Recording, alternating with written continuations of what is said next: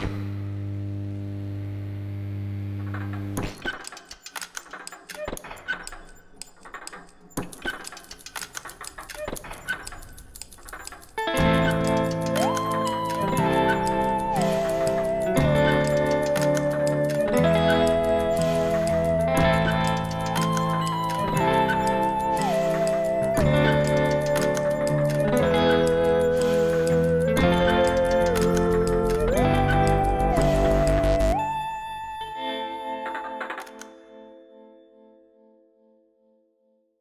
Då så, välkomna till, eh, till eftersnacket för Postkod Hindenburg. Jag har en del frågor som jag har förberett. Jag tänker vi tar en runda där vi får svara på de frågorna helt enkelt. Så. Första saken jag skrivit upp är intrycket liksom så. Om hur man tycker att kampanjen har varit att spela i känsla och i spelglädje och, och sådana saker.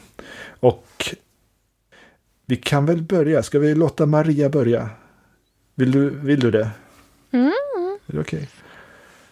Om du får beskriva ditt intryck av säsong ett här då, av Postkod Hindenburg. Jag tycker um, det blev en väldigt mysig stämning. Man fick en väldigt tydlig bild av Hindenburg. Lite eh, decka noir-känsla ibland. Lite humor ibland. Och eh, väldigt mycket med det här. eh, Jag gillar dina små stycken där du berättar om eh, olika saker. Mhm.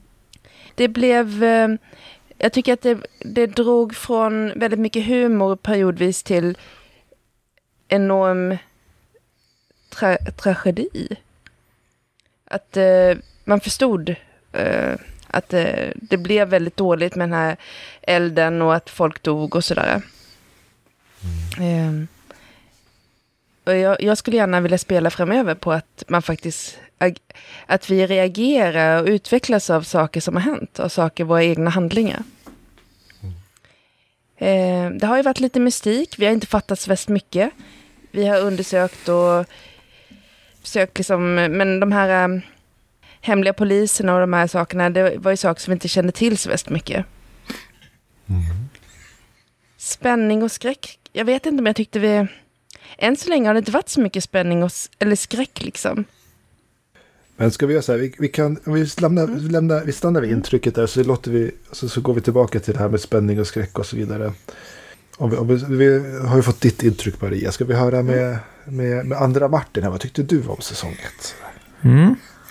Eh, jag gick ju in i, jag minns inte vad jag sa i introavsnittet om mina tidigare erfarenheter av MUTANT, men jag hade ju ingen erfarenhet av den moderna MUTANT.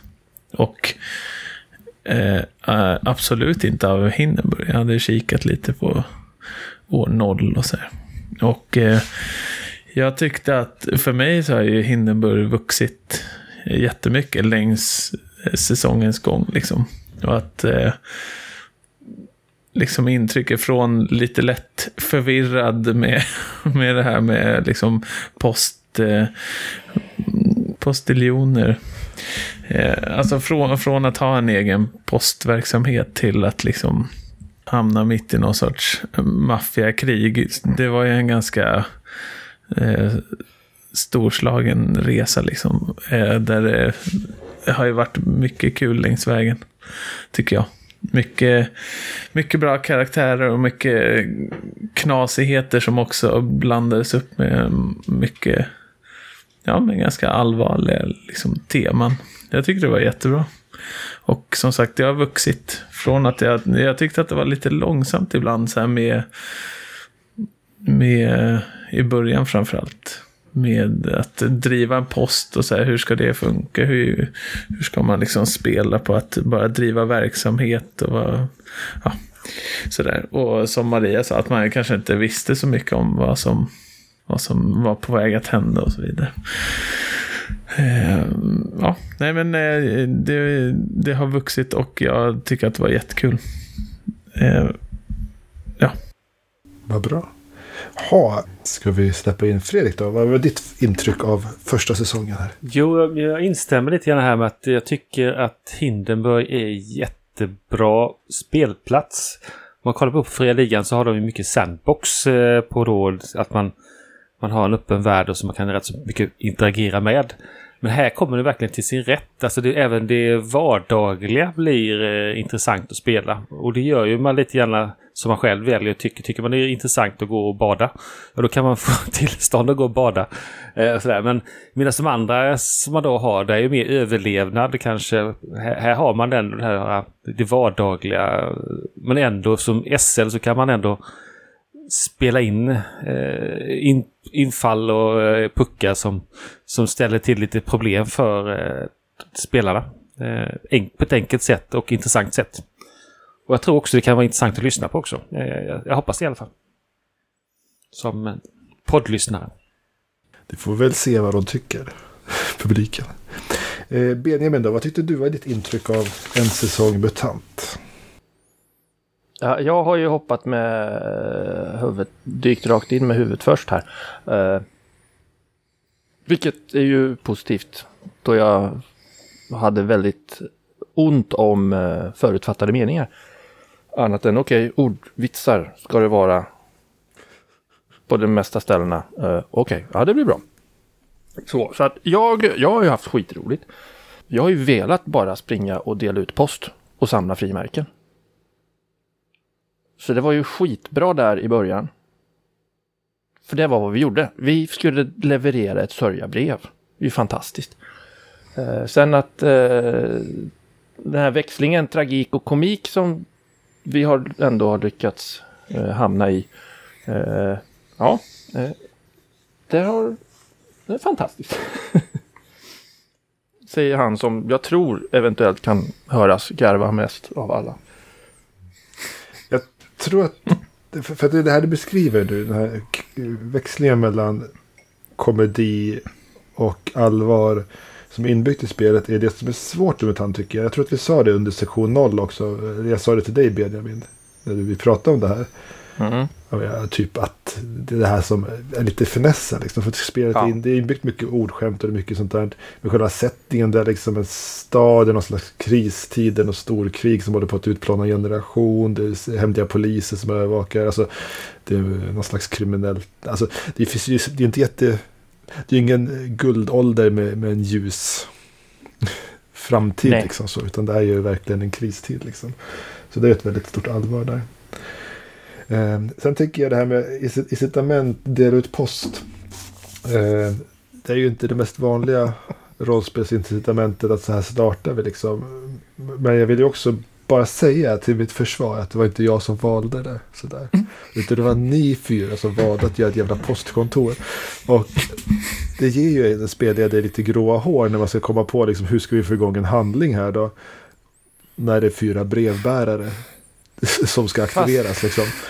Samtidigt så är inte det liksom lite av en av grundpelarna i ja, ja. fyra äventyrare, ni får ett uppdrag. Ta det här och leverera det någonstans. Ja. Och därifrån går Barker. Alltså, det är en av de ju, klassiska starterna. Vi har ju lekt lite med den saken. Liksom. Levererar ni till någon som inte vet vem de är?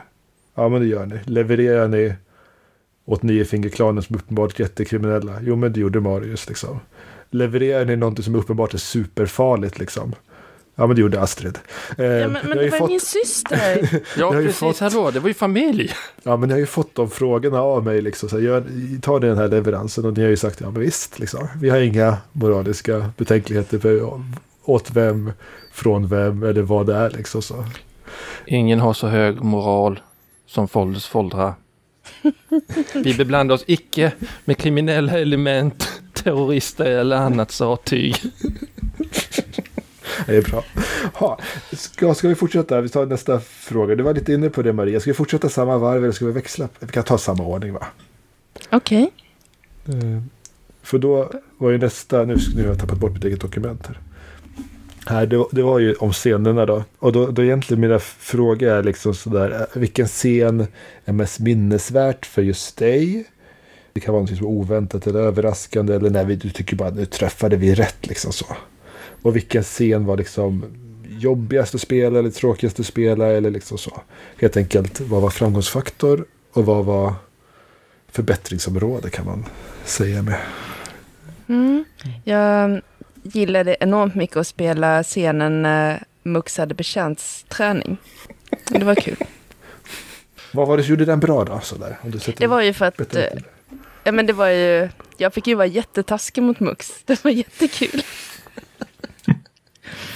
Samtidigt så i i min karaktär så tycker jag jättemycket om Mux och vill skydda honom och hjälpa honom. Så det var, jag fick prova lite olika delar, det var roligt. Jag gillar kontrasten med Astrids eh, romantiska scen. Det kommer bli intressant nu när Cleo verkar lägga sina lovar runt eh, Mux också.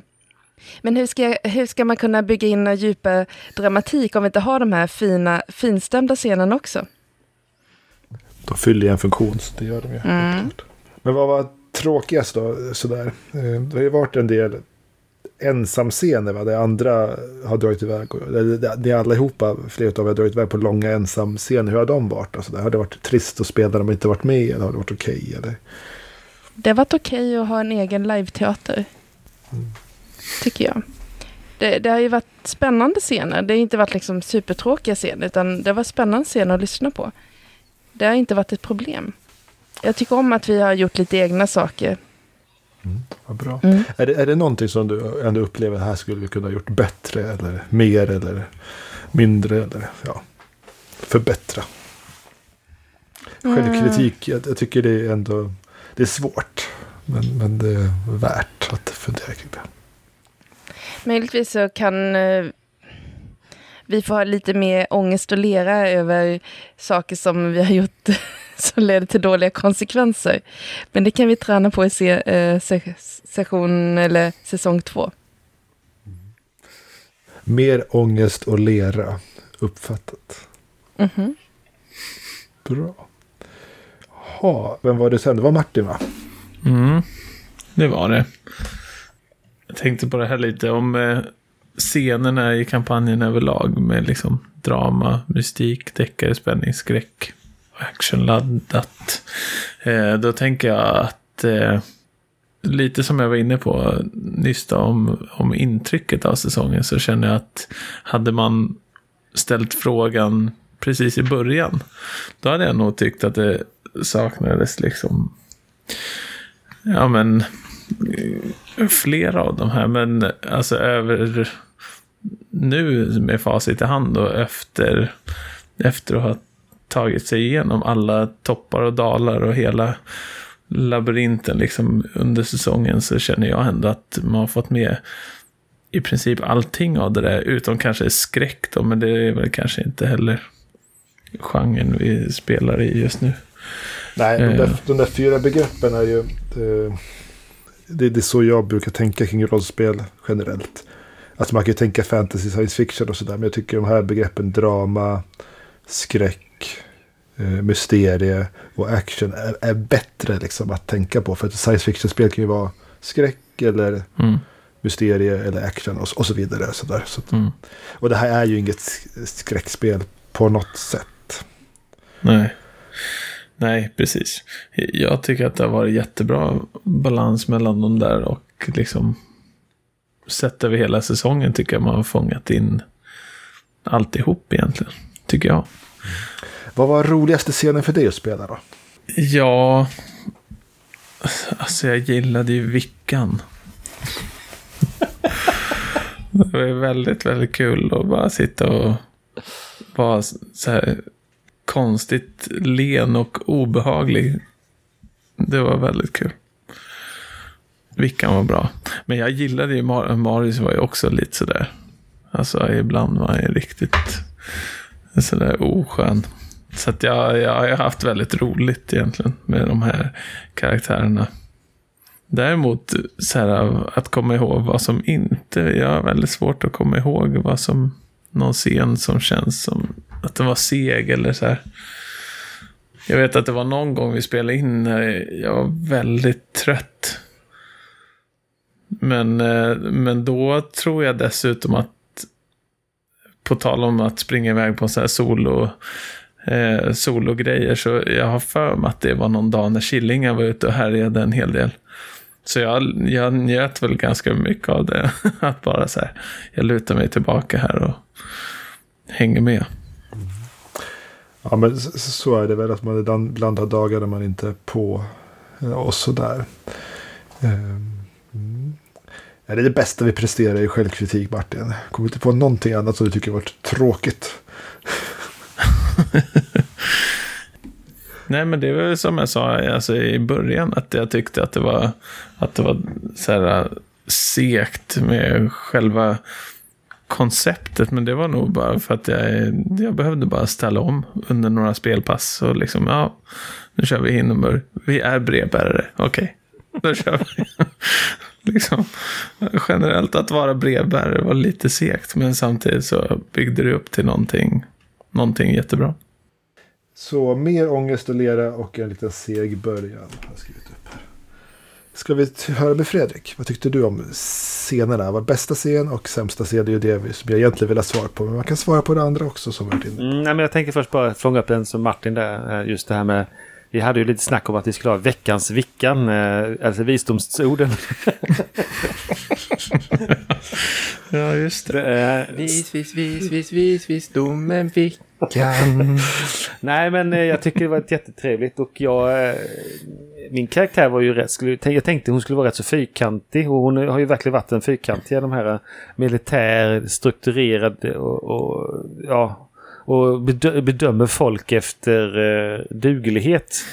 Och jag tycker ändå att hon fick, gjorde en resa. Eh, och nu fick vi inte spela ut den här rollen, eller det här eh, snacket jag tänkte gjort på epilogen med, med Marius. Som, som hon började se som en riktig oduglig drönare som bara kostade pengar. Och, och, och Medan han i, i slutet har räddat henne två gånger. Eh, och då vuxit hennes ögon. Eh, och likadant Mux som kanske också eh, var det här eh, brodern som hon alltid tycks ha varit som ett dumt påhäng. Till Astrid, hennes vän då. Så att jag tycker det, det varit, just den resan har varit jätterolig. Att man karaktärsutvecklar från att eh, se någon som en värdelös eh, stropp till en faktiskt en som har räddat henne två gånger. Eh, men den roligaste scenen, det måste ju ändå, jag tycker jag var roligt och jobbigt att spela, det var, det var när Astrid hade ett förhör i en garderob med ett post, eh, örngott över huvudet och det drällde in folk ja, som typ en bra. sån där Stefan och Krister-fars. Det springer dörrar-fars och det bara dyker upp fler och fler människor och problem som man ska ta och lösa och, eh, och sådär. Och det var ju också jättejobbigt för jag vill ju inte göra Killinga till en mörk karaktär. Att det, det mest... Det bästa lösningen hade nog varit att haft ihjäl den här polisen. Eh, bara rakt av för ett vittne. Men då hade det blivit så mörk resa som gjort att det, det hade varit lite jobbigt att plocka upp den igen. Och då det kändes det rätt så skönt att kunna sätta den här på tåg eh, till fronten och då blir det inte lika jobbigt. Sen kanske det blir jobbigt i framtiden när, om den här personen dyker upp igen. Men den tiden, den sorgen. Och städa undan den här i latrinen i, i Mal, Malsjön. Det var också spännande. Nej, det var nog den tyckte jag var den roligaste scenen att spela. Eh, men jobbig också för att eh, det var så mycket lösningar som skulle göras. Den kommer aldrig dyka upp igen. Malsjön. Det är så till fronten.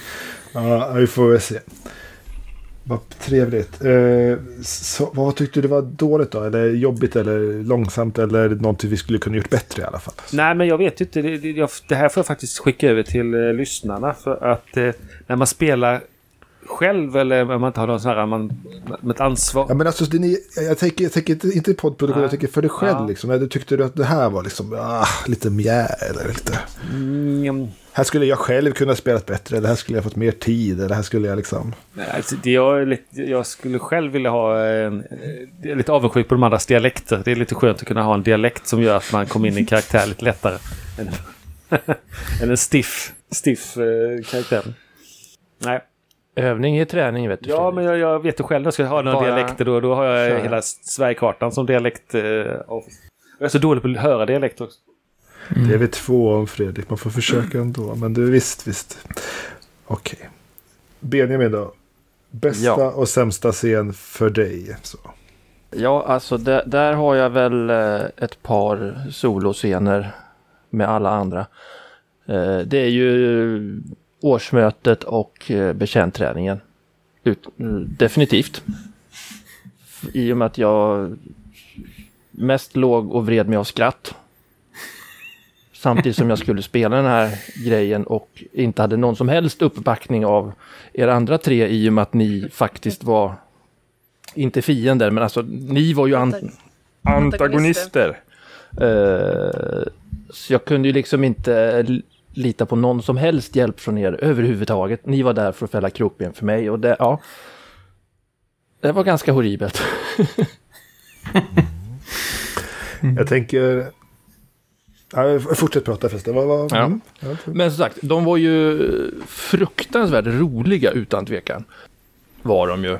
När, man, när jag då kunde ha någon sittning där jag faktiskt själv inte sa så mycket överhuvudtaget utan bara kunde glida med och lyssna på den här farsen med herrn i garderoben med örngottet över huvudet. Det var, det var väldigt bekvämt.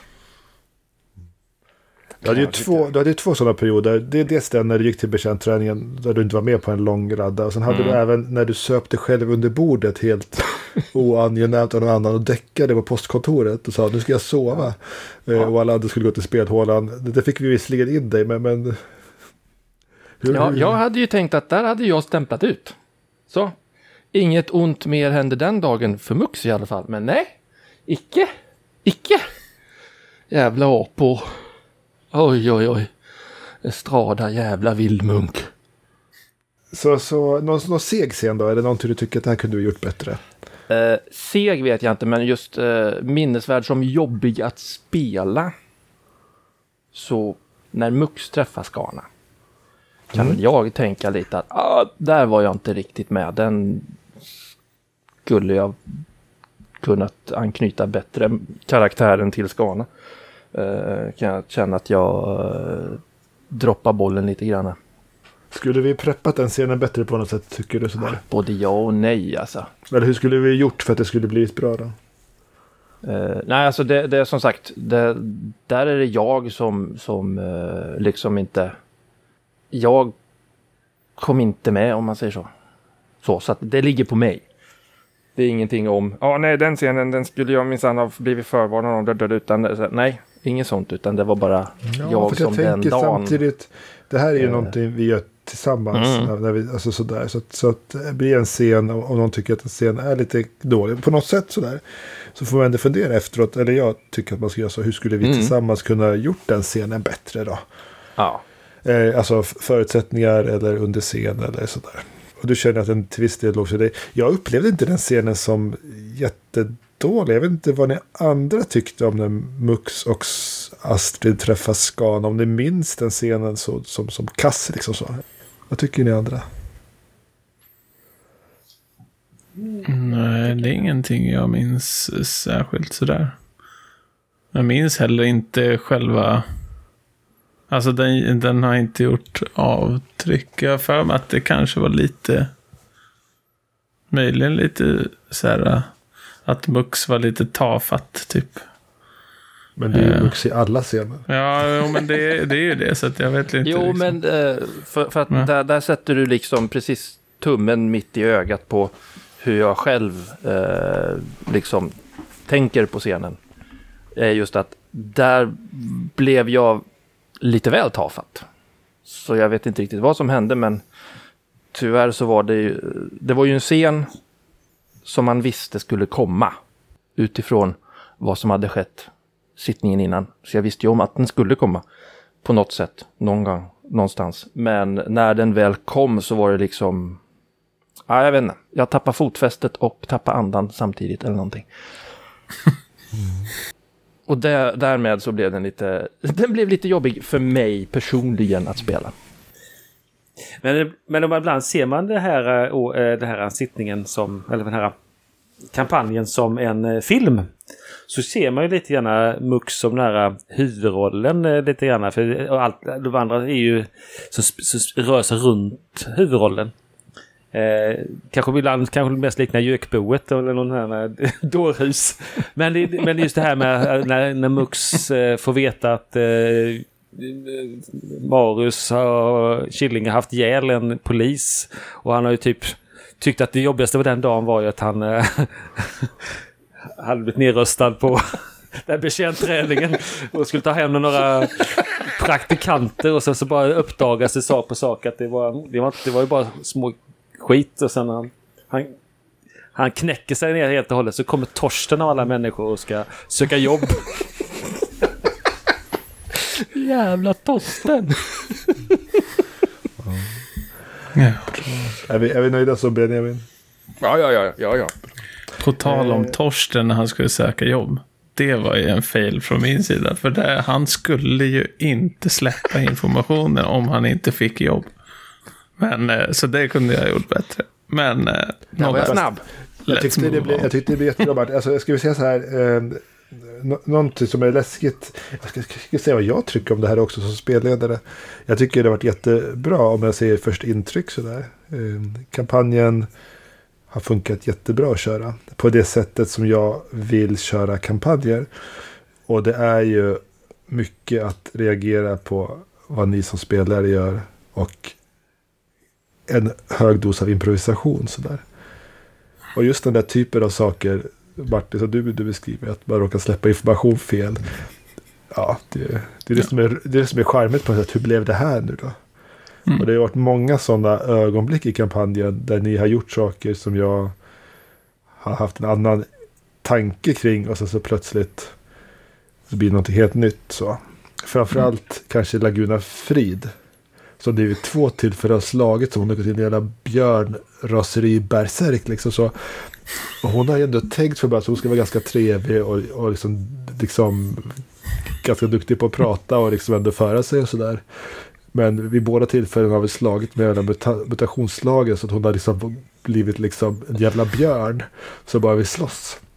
Eh, Så hon har fått en helt annan utstrålning än vad hon skulle ha liksom. Så. Jag, jag kan ju så- flika in där just angående Laguna. Att, jag hade ju våran bild av Laguna i huvudet liksom så. Eh, sen så har jag under veckorna som har gått lyssnat på en annan podd. Rossbeslags kanske? Ja! Eh, och hör dem presentera och gestalta Laguna Frid och bara så här, va, va, va, va, va? Jag tror ärligt talat att de är närmare hur hon är beskriven i boken så. Hon skulle väl vara sån om inte Marius slår henne på nosen så blir arg.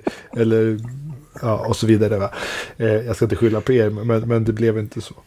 Men det var vårt fel. Ja. Sen så om jag ska säga något som jag tycker jag tappar bollen på. Så var det sista eh, episoden. Där jag plockade in de här jävla sothönsen som vi fick samarbeta med. Och det svär jag över i mitt inre att varför, varför ska det vara med en jävla sotare där för? Varför inte Estrada Vildmunk den ni ska samarbeta med? Och hennes jävla rävjägare. Alltså det är någonting som jag verkligen har legat och tänkt på efteråt. Men varför gjorde jag så för? Varför, varför tänkte jag inte annorlunda för? För det skulle vara mycket, mycket roligare att ha den här etablerade karaktären. Mm. Som Mux dessutom inte trivs med. Och försöka samarbeta med. Liksom så. Och som Mux faktiskt försöker dra i tåtarna för att få med. Men här, men här kommer liksom, det, det är mitt... Jag hade skrivit till, till Vickan att, att, eh, att, att hon förstod att Estrada inte skulle funka så bra. Så jag förstår att hon plockade in sina sothöns där. Men jag skulle inte gjort det. Jag skulle gjort tvärtom. Och det här är bara för att jag gillar ordskämtet att sotarna är sothöns. Liksom. Men det blir så härlig bild i huvudet på mig när man tänkte att eh, sothönsen hjälper en räv upp för eh, balkong. Alltså det är bara bildmässigt en höns och räv som samarbetar. Det, det, det, det blir så konstigt. Ja. Härligt. Vi, vi går vidare med frågelistan om vi ska hinna med någon fråga till. Maria, nästa fråga handlar om relationer. Vad tycker du om era relationer mellan era karaktärer? Har de utvecklats, förändrats? Det här har vi varit inne på redan. Fanns det tid och utrymme till det här liksom? Jag tycker att det etableras tydligt att eh, Mux och, och Astrid har en väldigt eh, tät syskonrelation, även om de är väldigt olika. Och även att de var väldigt fästa vid Skana. Eh, Astrids perspektiv är ju att hon skulle göra nästan vad som helst för Skana. Det är ju inte så att Astrid var blåögd riktigt på att det, inte, att det kunde varit några, det var ju inte blommor i det här paketet, fattar väl hon också. Men eh, hon kände nog att så mycket som Skana hade fått offra så var det minsta Astrid kunde göra att hjälpa henne. Så. Men eh, när det gäller Killinga så där tycker jag vi har fått in väldigt mycket tjejvänskap. Det var kul. Ja, nej, jag håller med dig. Så att eh, även du som du sa att du pratar med, inte med någon så här tjejröst eller något, eh, så, så blir Killinga, man ser henne framför sig som en ganska bistig och eh, långa fladdrande lockar och sådär. Det, var, det har varit kul. det, det, om vi återgår till filmen så är det lite grann att Astrid och Killinga har kanske varit lite mer drivande. Och kört, kört över killarna typ. Och sen nu blir de barnvakter helt plötsligt. Och, och, eh, nej men det är klart vi ska göra det farliga så kan ni ju hålla på med posten eller nej. Ja.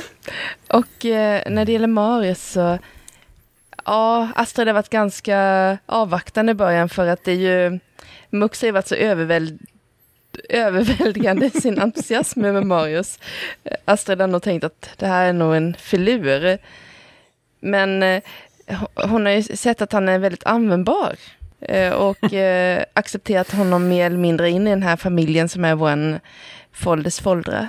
Mm. Astrid är väldigt mycket så här shit att hon, jag tänker att hon känslomässigt eh, bygger ihop oss till familj. Mm. Och det har jag tycker jag vi har fått tid för och utrymme för. Ja, Men kanske lite mer tid på slutet då för att eh, reagera i re- relationen också kring den här avslutningen, epilogen. Liksom så. Mm. Som jag inte lät er få nu på epilogen för att jag tyckte inte, det får vi ta i säsong två liksom. Mm. Var landar det här? Bra, eh, Martin då om relationer utifrån Marios perspektiv. Jag hade på något sätt velat bygga dem mer, men det var inte i brist på... Alltså det kändes inte som att det saknades utrymme för det riktigt. Eller tid, utan vi, jag tyckte vi gjorde det ganska mycket, men, men han... Jag tror att det hängde på att jag hade velat så här, ha en djupare förståelse för en narcissist eh, psykopat som han. så, att jag kunde, så att jag kunde bygga det mer utifrån hans eh, förutsättningar typ. Men eh, jag tyckte det gick bra. Alltså jag tyckte han var jättekul att spela och svår. Det var svårt att så här, bygga relationer med honom. Liksom. Han borde ha manipulerat och hållit på mer liksom. Men, eh, Jag, jag, jag, tror att Marius, om man tänker narcissistiska psykopater, att han var lite för otrevlig, ärligt talat. ja, precis. Narcissistiska psykopater är inte otrevliga, tänker jag. Utan de är väldigt, väldigt lätta att ha att göra med Tills det... Ja. så, så länge man gör som de vill. Liksom, så. Mm, exakt. Men, eh, det var så svårt att få fram det i spel, typ. Alltså så att det, det blev att han blev en otrevlig rackare istället. Han tog inte riktigt så här, den skepnaden jag ville. Fast han var, han blev i alla fall en oskön snubbe. I alla fall. Han, han blev ju fortfarande tämligen självgod, självupptagen och Det kan man säga. med total brist på självinsikt. Ja, det kan man säga. För att allting var ju liksom... Nej, vadå? Jag gjorde ju bara det. Det var ju det jag skulle göra. Sen vad, vad de där håller på med, det vet ju inte jag. Det var ju deras fel och det var, nej, det var inte mitt fel. Skulle jag ta med något paket tillbaks? Från? Nej, nej, nej, nej, nej, nej, nej. Pff, Det var ni som gav dåliga instruktioner. Men det, det tänkte jag var 100% självinsikt och 100% bara lögn och Ah. bedragande, tänkte jag. Men, eh, ja, nej men eh, relationer, det, jag tyckte absolut att det fanns tid och utrymme och jag tyckte vi gjorde, alltså byggde mycket sånt. Jag hade bara velat så, så, kunna göra det mer utifrån Marius. Eh, alltså, ja. Mm.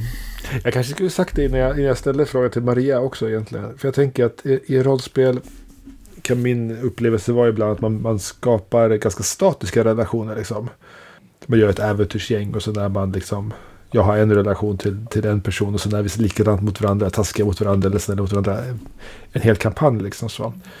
Eh, Och det är det jag menar, funderar på när har, det hänt någonting, har det utvecklats någonting och sådär. Och jag tycker Killinga, du berättade ju förut att du hade fått en förnyad syn på Marius exempelvis. Så det är väl ett, ett, exempel på när det händer någonting i en relation då. Ja, jag tyckte det var en spännande utveckling. Eh, och lite grann att tänkte jag att Killinga kanske skulle vara lite besviken på Astrid. För att Astrid var inte riktigt med och försökte eh, hjälpa eh, rädda henne på, alltså fysiskt. Hon var ju med där i alla fall men hon var inte inne i lägenheten och hjälpte henne. Så att det kanske är lite sån här liten twist. Eh, en liten böld som ligger och gnager och, och lite grann att hon nu kanske då blivit avslöjad att hon har gått bakom ryggen på dem med det här brevet. För vi är ju fyra som har kunskapen om lingongrova och eh, vem som har då förgiftat Quintus och gänget där. Det kanske blir en liten böld, ungefär som när Marius gick iväg med sitt egna brev där. Att det gjorde att han kanske lite grann blev lite satt i fokus för de andra. Det gör man ju inte bakom ryggen på oss. Mm.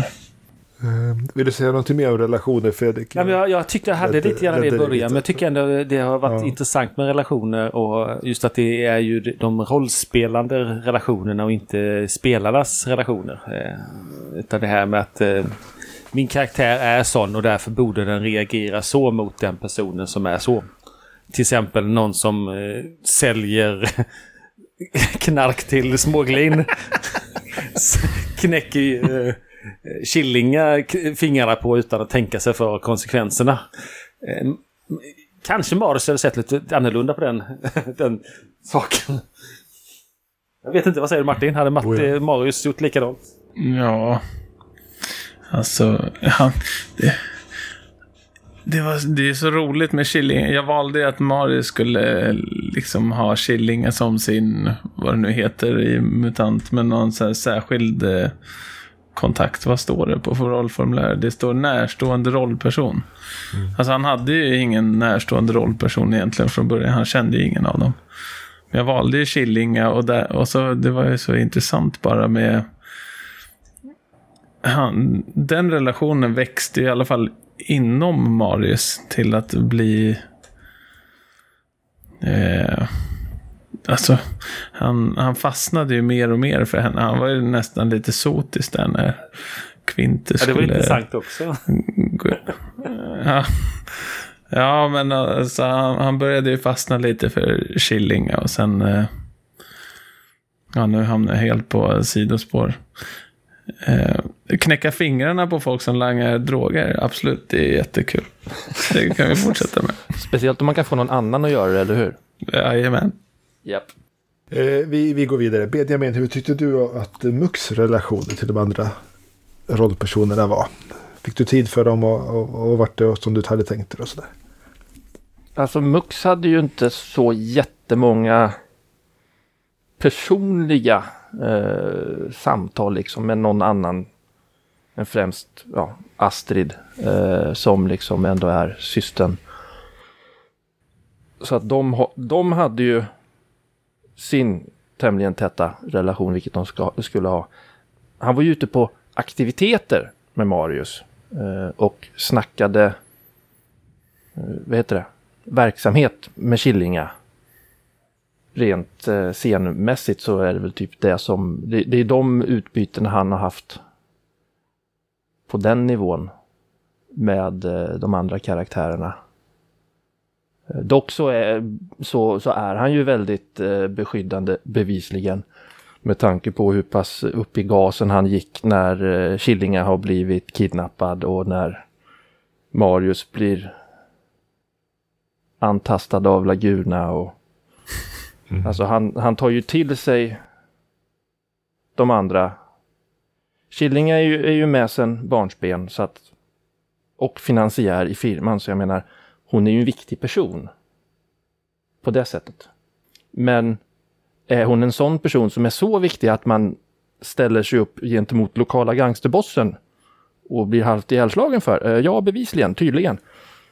Och Marius är ju Marius, han är ju idolen så att det är klart att eh, det är ju nästan som att man kan gå över lika många berg och genom lika mycket eld för Marius som Mux skulle göra för Astrid.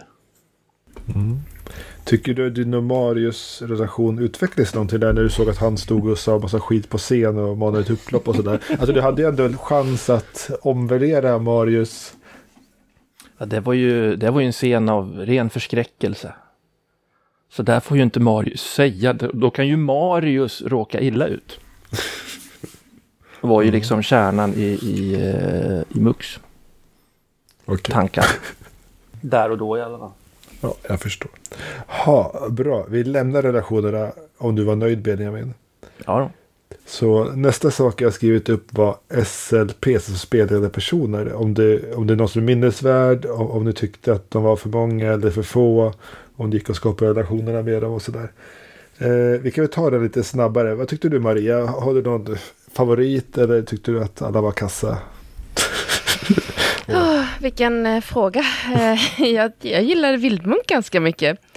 Eh, och ehm, kanske att de vi kidnappade och torterade inte var så rädda av sig kan jag konstatera.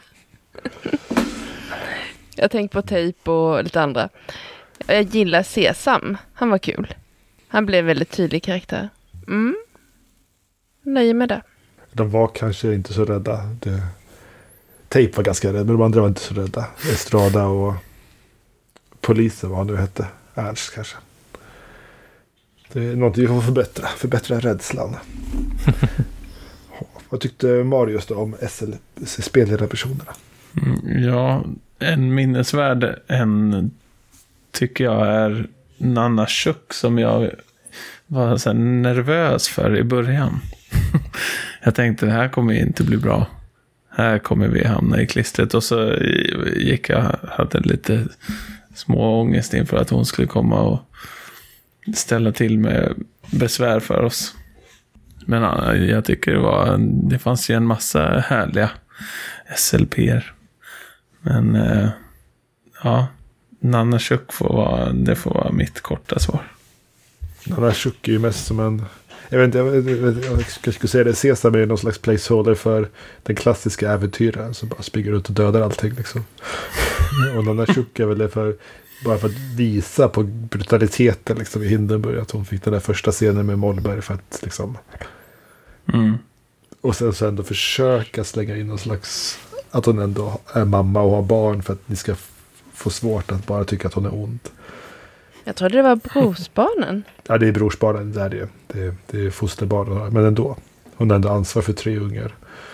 Vilket ändå, för vissa personer, räknas som Mm. någonting. Det kommer bli... Ja, den där scenen kommer bli väldigt eh, spännande när vi ska rapportera. Du, Nanna, det hände lite sak. Eh, drabbas inte panik. Eh, de, de är på sjukhuset. Ja, Ja, det hände en grej. Fredrik, då, vad tyckte du om spelledarpersonerna? Hade du någon favorit? Nej, men jag tycker som sagt att du har jobbat mycket bra med SLP-erna och som vi pratat vid, vid, vid andra tillfällen att eh, vissa har ju växt från att bara vara en biroll till att bli en eh, riktigt stor eh, SLP som fått mer utrymme beroende på hur vi har eh, interagerat med dem. Och, och jag är ju glad att eh, de här SLP-erna lever vidare. För det, det är alltid gött att ha en eh, antagonist som man kanske då får möta flera gånger än att man Ja, nu var den bossen borta och då är det en ny elaking som kommer fram. Så att, eh, att de här eh, Laguna Frid och Texas och de här överlevde tycker jag var bra. För då kan man ju återanvända dem som antagonister och ha några som man hatar. Eller som vildmunk som man då eh, eh ska alliera sig med som man inte riktigt gillar. eh, Om det verkligen funkar eller inte. Vad bra. Benjamin? Ja, jag har ju min egen privata hatlista. Utan tvekan. Eh, så alltså. Estrada och Laguna va. De, de, de, de, de ska ju bara dö. Vickan hade hamnat där om hon hade varit en SLP och inte en halv SLP. Så det, det är ju lite som, hon är ju på, på staketet där va. Hon, hon hänger löst. Men hon som var så härlig. Ja, men du vet, det, det, det här det, det, är- det är Mux tankar det. Eh, ja, nej så, eh, ja. Jag har ju verkligen gått och planerat hur ska jag på bästa sätt ha ihjäl X och Y och Z. Och, ja. Bra saker att ägna sin tid åt. Jajamän. Speciellt innan spelpass. Ja, ja, men vad skönt. Ehm, jag vet inte vad jag ska säga om SLP själv. Så där. Jag tyckte att det var lite många att hålla koll på själv som spelledare. Men det, Så är det en sån här stor, det beskriver du Fredrik, att Fria Ligan skriver ju sådana stora sandbox liksom. Mm. Och de skriver in massvis med personer. Det var som när du gick till den här djupboxningsklubben liksom och skulle prata med, ja, vad hon nu heter. Ja, Levina Dugge. Eh, Lina Dugge plötsligt bara. Det var ju någonting så du bara drog ur hatten. Ja, bara för att jag skulle ha lite liksom desperat. Då får man desperat bara bläddra fram liksom sidan av Lina, Lina Dugge. Hastigt läsa vad står det om henne då. Jaha, och hur ska hon köra till mamma Maxins gäng och Niofingerklanen. Vad ska de stå i konflikt? Alltså det, det är så. Och så får man liksom försöka få in henne på något sätt så hon får en egen linje på den vänster liksom och fylla någon slags funktion. Men det är alltid svårt med SCP just att... Eh, Ja, men det blir svårt, det blir så många liksom. Alltså, har man en begränsad miljö, alltså din ö i, i väsen exempelvis, så är det ju lättare. Då kan man ju lära sig SLP. Mm.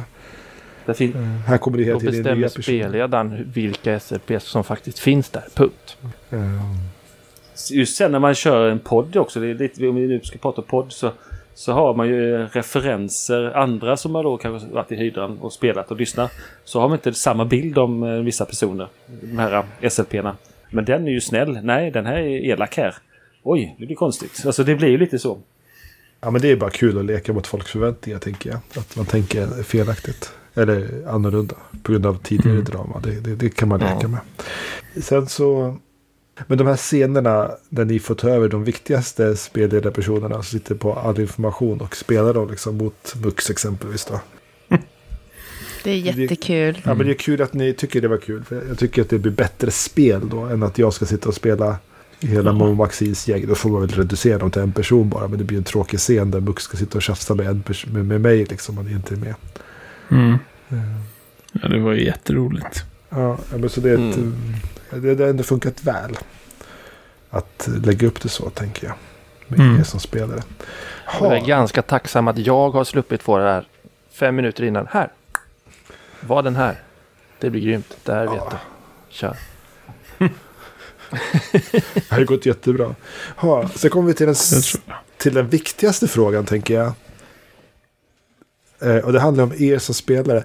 Det, här, det kanske inte alla gör, men det tycker jag är viktigt. Vad har du lärt dig om att spela rollspel, av att spela den här kampanjen? Om dig själv eller om hur du vill spela eller hur du vill gestalta saker. Eller vad du känner dig bekväm med. Liksom, eller vad du behöver för att kunna lita på medspelare och spelledare och sådär. Ska vi börja med Maria igen? Slänga henne till vargarna. Varje gång alltså. Mm. Hmm, vad har jag lärt mig? Lite, jag tycker att eh, det är ju som en ganska, eh, ja, med någon som har spelat rollspel ganska länge så tycker jag att man känner igen lite grann hur man spelar.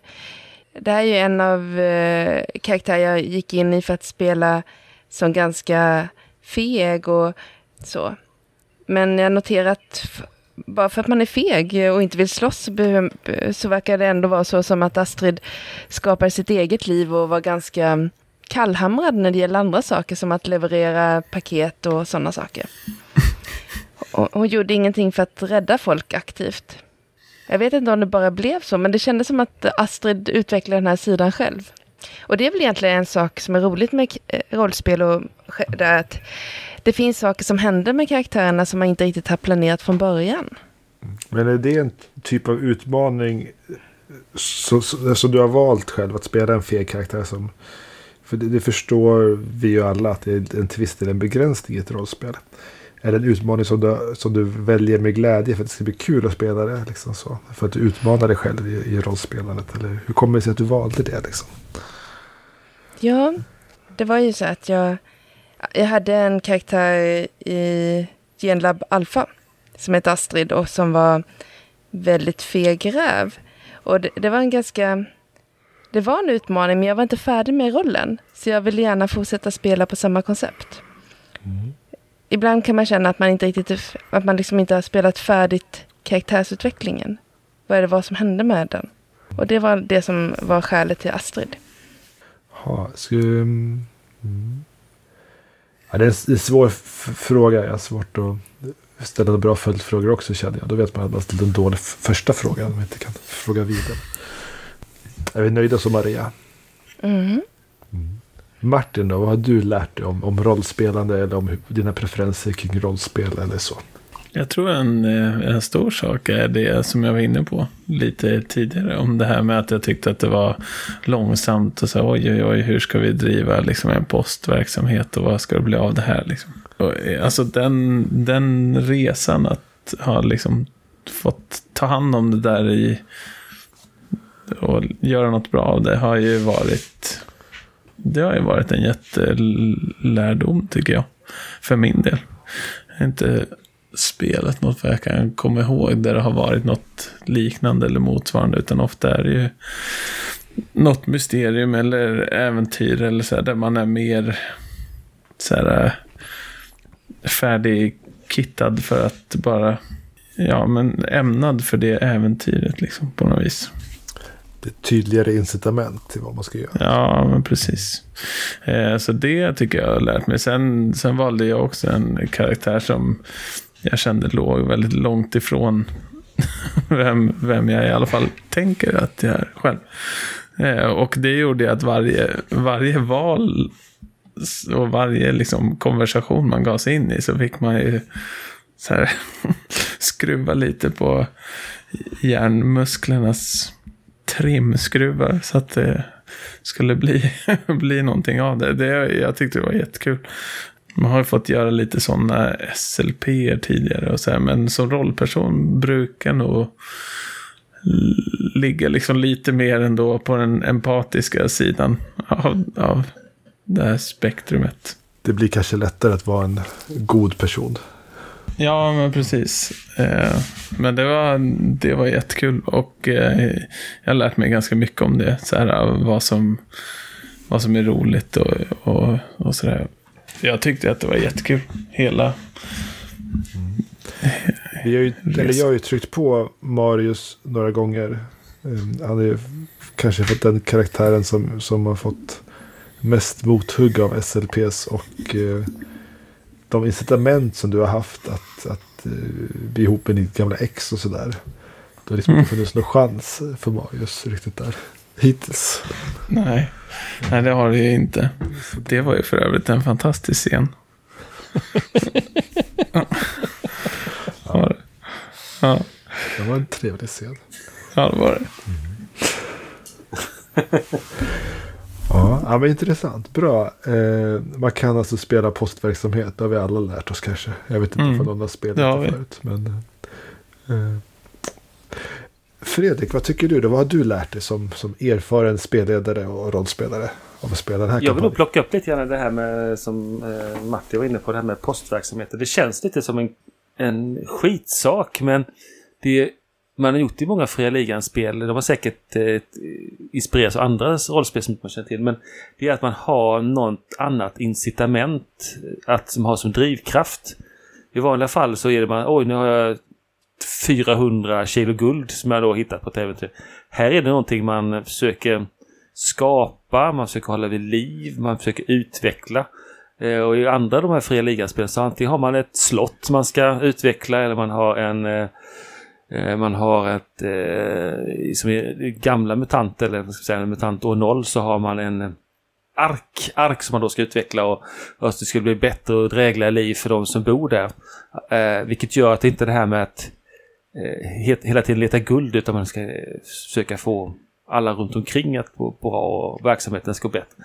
Och jag tycker det är en bra för att den här eh, saken blir ju hela tiden utsatt för hot.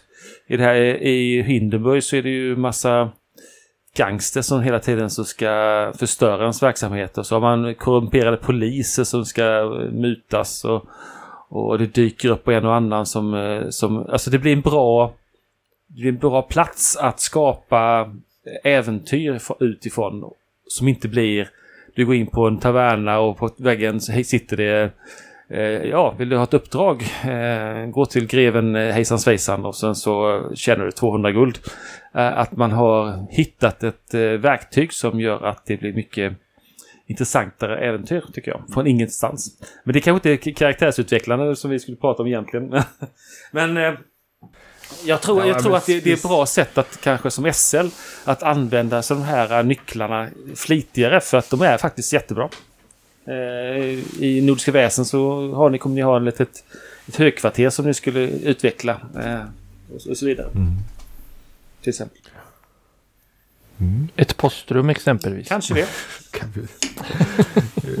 vad tycker du då Benjamin? Vad har du lärt dig av att spela den här kampanjen?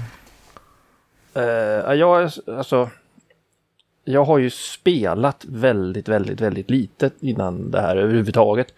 Uh, det var när jag var jätte, jätteliten som jag spelade och sen så var jag spelledare och så, ja, så, så att jag, jag leker ju fortfarande väldigt mycket med att eh, liksom hitta hur ska jag faktiskt spela en sån här karaktär och nu så Mux ska ju vara lite, tanken var väl i alla fall att han skulle vara lite pratsam. Eh, det var han väl kanske. Eh, ganska, ja, gentemot de som inte är viktiga, ganska osympatisk. Men, och det kan jag tycka är ganska skönt ibland att bara liksom säga, jaha, här kommer du och prata med, ja men jag, jag, jag skiter faktiskt i dig så att, ja, ja. Så, håll tyst, jag är inte intresserad och så kan jag spela på att jag, jag är inte intresserad av att prata med dig, så gå härifrån. Så, ja, ja Torsten, det, det blir bra, du kan gå nu, jag ska tänka på det, jag har gett mitt svar. Alltså, få ut de delarna av mig själv, höll jag på att säga. Eh, men liksom att faktiskt få, få eh, nu var ju jag, nu var ju Mux aldrig direkt särskilt jätteotrevlig annat än han svor på apor men men ändå få gå och vara lite sådär småbutter, det är helt okej alltså. Det är bara att buttra på. Skapa sina egna punkter eller vad man ska säga. För jag skulle kunna ha suttit och bara, nej, frimärken. Och Marius. Det är det enda som är viktigt. Men då hade Mux inte varit särskilt delaktig. Han hade mest bara varit en sur och tvär, nej, jag vill inte vara med karaktär. Vilket han till viss del också blev i och med att han verkligen, verkligen, verkligen inte ville beblanda sig med mamma Maxins gäng. Etc, etc. Vi tvingade in han ändå i lite Japp. nya vatten där inte riktigt trivdes. Så fick han ta beslut på det. Ja. Ja. För att sen då faktiskt i princip då bli drivande faktor fram på slutet. Om du skulle sammanfatta det här i en mening. eh, Det gäller att gestalta karaktärer. Vad skulle du säga att du lärt dig av att gestalta Buxton? Hur ska man göra för att det ska bli bra? Eh, jag vill planera, men jag kan inte planera. Ta, ta ins inspirationen när den kommer liksom. Och gå med den. Och, Ja. ja. Jag fallerade ju med Skana, men i övrigt verkar det ha funkat. Med skana. Ah, nej, jag tyckte, alltså det, det är din egen upplevelse. Jag tänker Ja. att det varit en ganska bra scen ändå. Eh, jag tänker, ska, det här är en fråga. Nu hoppade jag några frågor jag svarar på som spelledare. Men jag ska svara på den här i alla fall. Vad jag har lärt mig av att spelleda första säsongen av eh, Mutant Hindenburg. Eh, ett är ju att det Benjamin var inne på här. Att det är inte så farligt när det inte blir som man har tänkt sig. För att även om man improviserar så blir det hyfsat okej. Även när Mux plötsligt bara använder rovattack och slår in fyra skada på en apa. Eller Killing använder sin, vad det nu heter, den där eh, riktningsknöl och sänker vildmunk. Eller alltså, eh, scenen tar en helt annan vändning. Så blir de okej ändå liksom så. Och sen så tänker jag att något jag lärt mig styrkan i, i att spela till en podd. När man spelar in det man faktiskt har sagt så man kan lyssna på det emellan. Det är att man inte tappar så många trådar. Att Astrid i avsnitt ett råkar nämna att hon inte tycker tider är så viktigt i första scenen. Då kan jag ha det i mitt lilla dokument där jag skrivit upp det. Att nu tycker Maria att hennes karaktär inte tycker det är så tydligt så viktigt. Så när hon får ett viktigt meddelande från Skana då kan jag skriva in liksom kom i tid. Och, och lämna den bollen uppe till Maria att välja att smasha på eller inte liksom. Nu valde du att komma i tid och det var väl bra. Annars hade jag ju en konsekvens uppskriven om vad som händer för man inte kommer i tid. Liksom så.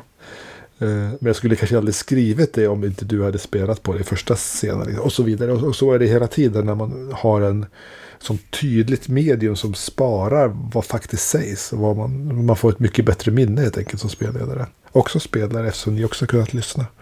Och det är väldigt värt ändå. Att kunna lyssna igen och, och ta upp alla de här trådarna. Eh, för i vanliga fall skulle jag tappat mycket mer. Och det skulle bara blivit mer av historiens huvuddrag som är i fokus. Men nu så har jag ändå kunnat, ja, tack vare våra lyssnare så har vi minnets, jag har haft ett bättre minne. Så. Och det har ju varit bra för oss andra också. Känner jag. Ja. Att man har kunnat lyssna in sig och fånga upp trådar som också man kanske har glömt av. Ja, absolut. Bra. Eh, den sista frågan jag hade, jag vet inte, hinner vi med den? Är den intressant? Det är om systemet. Vad tycker ni om, om Fria Ligans system till Metant Hindenburg? Och där är den egentligen den viktigaste frågan, är den sista jag skrivit på min fusklapp. Alltså vilka saker löser spelsystemet som annars skulle vara svåra att rollspela för oss? För det är det jag tänker att ett spelsystem ska göra. Att det ska hjälpa en gestalta eller hjälpa en få fram saker som man annars fastnar i i rollspel. Liksom. Vill vi diskutera systemet eller ska vi lämna det här där, eh, därhän? Jag tycker bättre om det här systemet än väsen. Jag tycker de här känsloskadorna man fick i väsen var väldigt fyrkantiga och svåra att få någon... De förstörde snarare rollspelet lite grann. Alltså att de blev tvingande på ett annat sätt, eller hur menar du? Ja, där får vi skada att man fick välja mm. mellan fyra uh, olika känslotillstånd. Och när man har fått alla fyra så, så ska man alltså spela på alla fyra. Mm. Och det blev inte riktigt logiskt. Nej, det var svårt. Men, men tyckte du att, om man säger skadesystemet generellt då? För att i MUTANT så läker man ju skada ganska snabbt. Och i väsen så läkte vi aldrig skada i stort sett. Så vi hade med oss skadorna till slutet av spelet. Om man misslyckades skärma en operasångerska i scen 1 liksom. Så satt det med till slutet. där, där, fyllde alltså där, där kände, som Alfhild kände jag mig stressad över skadan. Var du stressad över, av, av hur Astrid för man skulle överleva och sådär i det här spelet? Nej, här kändes det som får man skada, då får man mycket skada på en gång och då, då kan det vara farligt. Liksom, men inte det här långsamma ackumulerandet av skada som vi hade i väsen. Jag, jag tycker inte väsen var dålig på något sätt, men just den där biten med känsloskadorna tycker jag var lite knepig. Mm. Det är svårt att rollspela. Men okej, okay, om vi tänker på, på Hindenburg-reglerna. Tycker du att de hjälpte dig gestalta någonting som du skulle ha svårt att gestalta annars? Där? Nej, men reglerna är ju till för att egentligen ge ett slumpmoment i de delar. Vi vet ju egentligen vad våra karaktärer är bra och dåliga på. Eh, men vi mm. vet inte hur det skulle gå mot mamma Maxine eller, eller sådär. När, egentligen skulle ju Marius kunna skärma brallorna av mamma Maxine men, han har ju jättemycket på att manipulera. Han skulle vara lite grann som Loki. Liksom. Nej men den här gången kommer jag att förråda dig och hugga dig i ryggen. Såklart du kan lita på mig. Istället blir han bara överkörd till en blöt fläck på hallmattan av Vickan. Det var för Martin spelar båda karaktärerna. ja. ja, det var fint. Vickan kändes verkligen som att hon hade jättehögt i manipulera. Uh. Psyka. oh ja. ja. Vad tycker Martin då? Vad tycker du om, om systemet, om regelsystemet och äh, hjälper reglerna i Mutant Hindenburg oss att, att spela spelet liksom? Ja. Alltså det är en jättebra fråga jag har funderat på, på det där förut också i så här, andra sammanhang egentligen. Mer så här, filosofiskt vad ett rollspelssystem egentligen gör. Och alltså framförallt när man läser en rollspelsbok så får man ju en väldigt, tänker jag, jag i alla fall, eh, får en väldigt stark känsla av världen och liksom konflikter som råder mm, och sådär. Och att själva regelsystemet finns ju där. Och ja, det finns ju regelsystem som jag tycker är eh, roligare och tråkigare än andra. Liksom. Där det här är ett som jag tycker är väldigt trevligt. Men, men hur, det, hur det hjälper att rollspela. Jag vet inte, de, de här pressningarna och så som man kan göra. Tänker jag hjälper en del i rollspelandet. Liksom att man... Att man ger det där lilla extra och kanske liksom drabbas av något misslyckande och så här. Men eh, i övrigt vet jag inte riktigt vad jag tänker om det egentligen. Det är så stor filosofisk fundering. Stor filosofisk fråga. Ja, mm, okej. Ka- kanske. Jag tänker, om vi tar den här sista scenen, eller sista episoden när du slog massa tärningar du skulle se för att Killinga blev bortförd på det här taket. Mm. Och du misslyckas och du ramlar och du misslyckas och du ramlar och du misslyckas.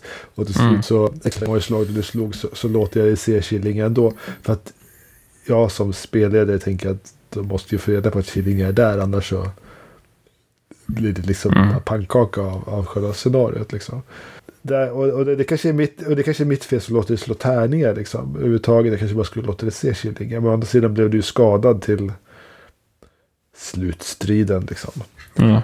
Ehm, Ja, och alltså, men jag tänker att de sådana slag hade man ju kanske gjort i, alltså oavsett spelsystem så. Men absolut, alltså tärningsrullande och, och så gör ju jättemycket för att hjälpa till att, att liksom, eh, ja men, ta, ta rollspelandet framåt och liksom kanske ge lite oväntade vägar och så här. Tänker jag. Det hjälper ju ändå till och i de, just spe, den spe, spe, specifika situationen exempelvis så bidrog ju tärningsrullandet och de misslyckade slagen till en ökande spänning. Mm. Och även Liksom. mitt sista tärningsrull överhuvudtaget. När Marius blir bruten liksom mentalt för att eh, lyckas sk- skrika att de ska rädda Mux. Liksom. Eh, där- Ja, för det, ja. det skulle vi kanske... Ja, ja spännande. Vi, vi, vi släpper vidare frågan. Det, det var, var en bra scen tyckte jag. Mm. Fredrik, vad tycker du? Att, vad hjälper MUTANT Hindenburg-reglerna dig att eh, gestalta i spel? Jag tycker ju som sagt var att när det gäller MUTANT och MUTANT Hindenburg så är ju settingen den starkaste produkten av allt. Eh, och det är ju det att det här är så jäkla mysigt i... Eh, och så vet man vad man... Det är ett arv från då ursprungsmutant.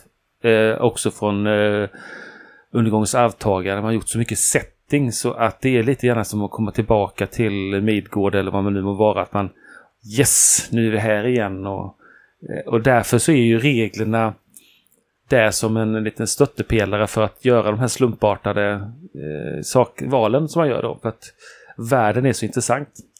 Eh, och det är ju lite grann det här eh, procentuella, eh, kanske säger fel, BB, P heter det va? Eh, ja, det här som man har undergångsarvtagare. Där man hela tiden är i jakt efter att höja sina procentchans hela tiden. Det är nästan det man eh, jobbar mest med som spelare. Att man eh, hela tiden går och vill slå massa tärningsslag för att vill höja sin karaktär. Jag tycker man har lyckats bra med här i, i Fria Ligans variant att man eh, det är inte det som är det viktigaste. eh, Utan det är faktiskt eh, rollspelandet. Eh, Visst, man kan få fler tärningar när man då får mer erfarenhetspoäng och sånt där. Men det är... Jag tycker man... Eh, jag tycker det funkar bra. Det enda som jag inte tycker funkar bra det är att man har döpt om många av färdigheterna. Eh, slit och släpa. Hallå, vad är det för ett jävla eh, namn på en färdighet? alltså, och och likadant att man har nu gjort så många spel nu i fria ligan att man skulle kunna använda sig av samma namn från spel till spel. Och vi vet ju själva här, vi pratar om eh, vaksamhet hela tiden när vi ska göra någon uppmärksamhet. Men vi är ju från Nordiska väsen och så vidare. Så att eh, man hade kunnat copy-pasta lite mer eh, utan att skämmas. Men det kanske är så att man vill, det är ju egentligen samma regelryggrad som hela, alla spelen bygger på. Så, sen är det ju settingen som är eh, det nya i olika spelen. Så det är kanske är därför man gör så. Mm. Skulle slita och släpa vara mer mutantigt än kraftprov? Eller kanske. Ah, sak Jag samma. kommer inte ihåg vad, jag, jag kommer inte ihåg vad det heter i MUTANT undergång. Eh, MUTANT och noll. Det heter la... Ja, det heter la kraftprov kanske. Ja, ja, men kanske. Ja, sak samma. Vi släpper in Benjamin. Vad tycker du om regelsystemet i MUTANT Hindenburg? Eh, jag skulle ju säga att eh, det är enkelt. Det är ju liksom, det är ju själva kärnan i det hela. Det är enkelt, det är greppbart. Och i och med att det är så pass enkelt så är det också tämligen lättanvänt. Och på det sättet så möjliggör det ju, det öppnar ju upp för mer rollspelande med, med enkla regler. Det kommer liksom inte i vägen. För att regler är regler, de är bara, de är bara där och, och det är bara galgar att hänga upp garderoben på liksom. Sen kan man spöka ut garderoben precis hur man vill. Mm. Det är väl mitt främsta eh, svar på den. Sen att eh, alltså, det är ju ett tämligen använt regelsystem. I och med att de har gjort ett x antal spel på samma system, vilket gör att då blir det ju väldigt lätt att hoppa mellan just de olika sättningarna som erbjuds om man vill. Mm. Ja men bra. Eh, jag håller nog med mycket av det som ni har sagt på alla sätt. Jag tänker att det handlar, alltså frågan är vad hjälper regelsystemet med oss att, att, oss att gestalta? Det, för, det beror på vad man har för, vad man, för, vad man jämför med för baseline egentligen. Så om man jämför med, med basic roleplay så är ju det här mycket enklare och man kan gestalta mycket mer. Min, min, min, jämförelsegrund är, är ju nästan alltid friform, alltså spela systemlöst utan regler. Aldrig slå och tärningar utan bara gestalta utifrån huvudet. Och eh, då kommer ju reglerna ibland i vägen som vi sa kring Marius scen här då. För självfallet måste han ju se Killingar där för att det ska bli någon slutscen. Tänker jag. Å andra sidan, vi, många scener skulle inte blivit som det nu blev eftersom vi slog tärning om det hela. Exempelvis konfrontationen med Strada Vildmunk eller när Mux slår ner den här apan. Eh, och så vidare. Eller att Laguna Frid går in i bärstark raseri så fort någon petar på henne. Så känslig. Ja, hon, hon var jättekänslig i den här versionen av metall. Alltså så, och det är ju tärningarna som, som gör det, som skapar det här. Va? Och, det är charmen med tärningar, det förstår jag också. Eh, Jag är, ganska, jag är ganska nöjd med regelsystemet. Jag tycker det är väldigt mycket, jag spelat ganska mycket undergångens arvtagare och det här är ju mycket mer eh, det är mycket smidigare. Så. Det går ju snabbare på många sätt och vis. Mm. Eh, Och det, jag har ju aldrig suttit med undergångens arvtagare, men jag menar, jag bor i E.ON normalt sett, så att det, det, det är ju viss skillnad. Då är vi i enkellandet här. Bra. Mm. Eh, det var den sista frågan jag hade egentligen. Jag hade en fråga till och det var ju om vi ska spela en säsong två eller om vi ska nöja oss där vi är. Liksom så. För det tycker jag när man ska, när man spelar långa kampanjer men alltid ska utvärdera. Liksom, har vi liksom nått dit vi kan komma med de här karaktärerna? Är det intressant att spela någon fortsättning eller inte? Och så vidare. Nu har ju ni visserligen en, en uppsättning här där ni skulle kunna byta karaktär till säsong två. För att det finns ju en risk att någon brinner inne. Ja. Om man vill det. Nej! Nej! Jag tycker det är jättekul. Jag kör gärna vidare. Säsong två. Ja. Vi har ju pratat lite, vi har pratat lite om det innan. Om att vi ska spela en säsong två. Så det kommer väl så småningom här under. Vi Ja. spelar det kanske under hösten någon gång. Vi får väl se. Det, det, vi har lite andra saker på lur. Vill du prata någonting om det Fredrik? Och vad som kommer härnäst? Eller ska vi låta det vara osagt? Eller osvuret Mm, nej, men det här kan vi väl prata om. Vi, vi har ju redan smugit igång lite grann eh, Call of Cthulhu Sverige.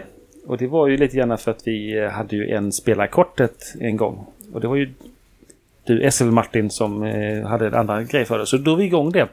En one-shot som aldrig blir en one-shot. Men eh, jag tänkte vi skulle göra en litet, eh, liten resa i eh, det där. Och det, men sen ska vi tillbaka till Nordiska väsen. För det ville ni va? Eller? Det vill Ja. jag. Men samtidigt är det ju roligt att testa på många olika eh, spelsystem och världar och sånt där. Men det är också skönt att komma tillbaka och få utveckla sina karaktärer. Eh, Så jag vill ju gärna se vart eh, Killinga tar vägen och jag kan tänka mig att ni kanske vill se vad, vad Bartolomeus och eh, Ivar och Diana tar vägen och Alfhild tar vägen. Mm. Absolut. Vill, vill Martin berätta någonting om det som han håller på med där i faggorna? Ja, vi får väl se om det redan har släppts när, när här, den här epilogen spelas upp. Men jag håller på och eh, klipper ihop ett litet one-shot som faktiskt blev ett one-shot. eh, på, Hur det nu lyckades? Hur det, ja, det är helt obegripligt. Av eh, Mörkborg. Så det blev en eh, ja, två och en halv timmar eller någonting som blir då kanske två avsnitt. Ehm, så det håller jag på med, men det, ja, jag hade ju hoppats att det skulle vara släppt vid midsommar. Men det, midsommar har passerat, idag är 15 juli när vi spelar in det här. Men jag hoppas att det är Det släppt kommer ett midsommar varje år. innan det här släpps. Absolut, absolut. Jag sa inte Ja, det vilket år. kommer tillsammans sammanlagt med epilogen då, får vi hoppas på senast.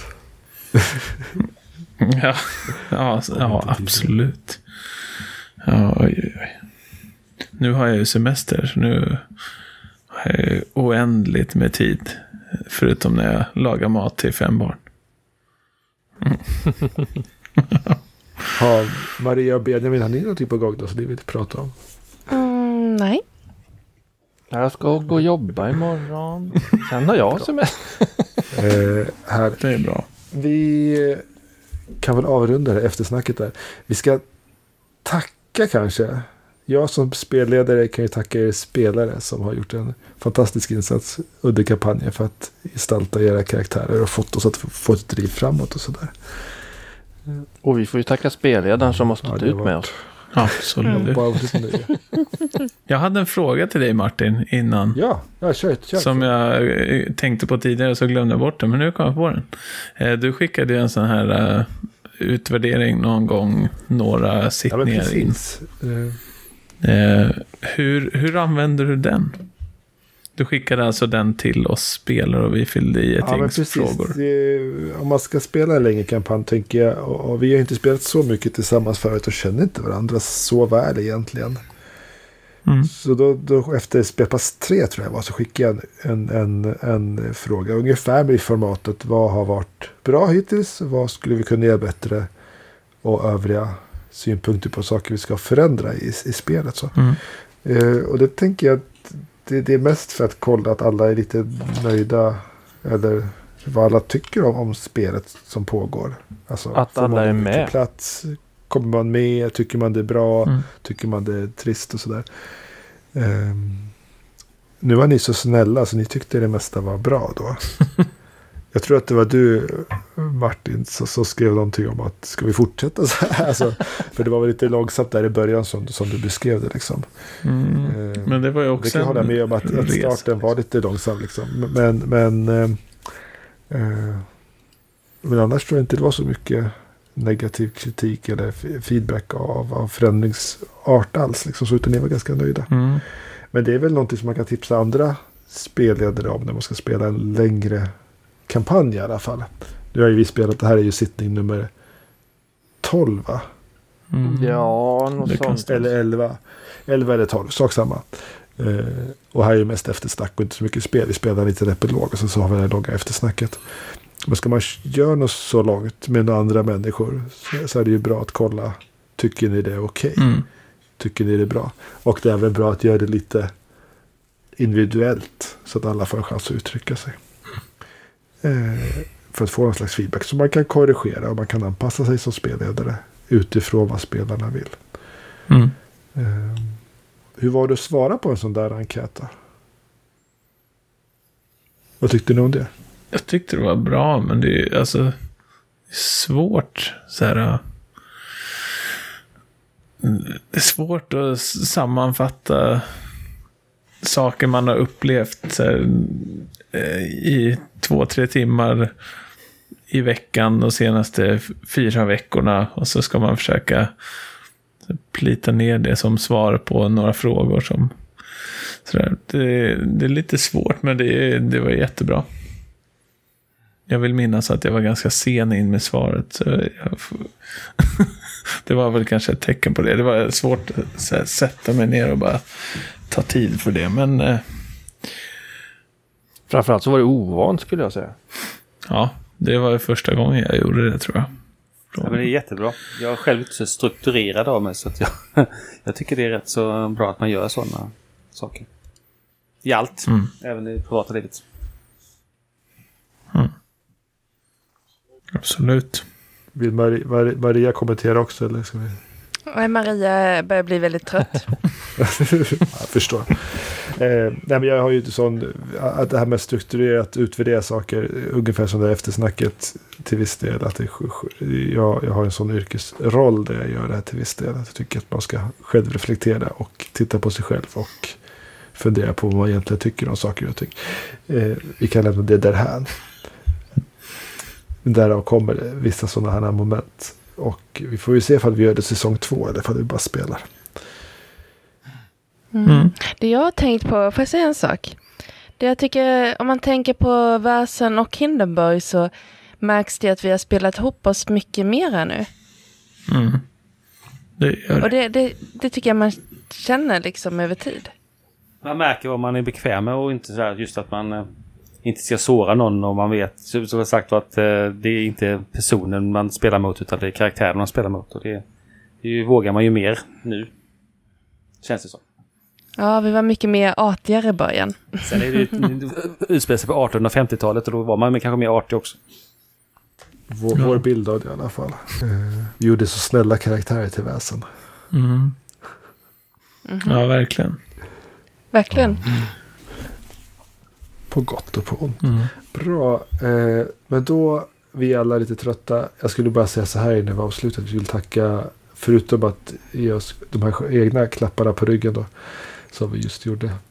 Eh, så, vill vi även tacka våra lyssnare för att ni lyssnar och står ut med oss. Yay! Och eh, vi vill tacka de som har hjälpt till med musiken till programmet. Kanske framförallt Anders Ekman då som har gjort jingel och ja. outromusik och lite rassel och sådant annat som vi använder i, i postkod Hindenburg. Sitter så klockrent i just eh, den Hindenburgs mutantvärlden, den musiken. Fantastiskt bra. och sen så återkommer vi väl ganska snart med någonting helt annat. Ja, det gör vi.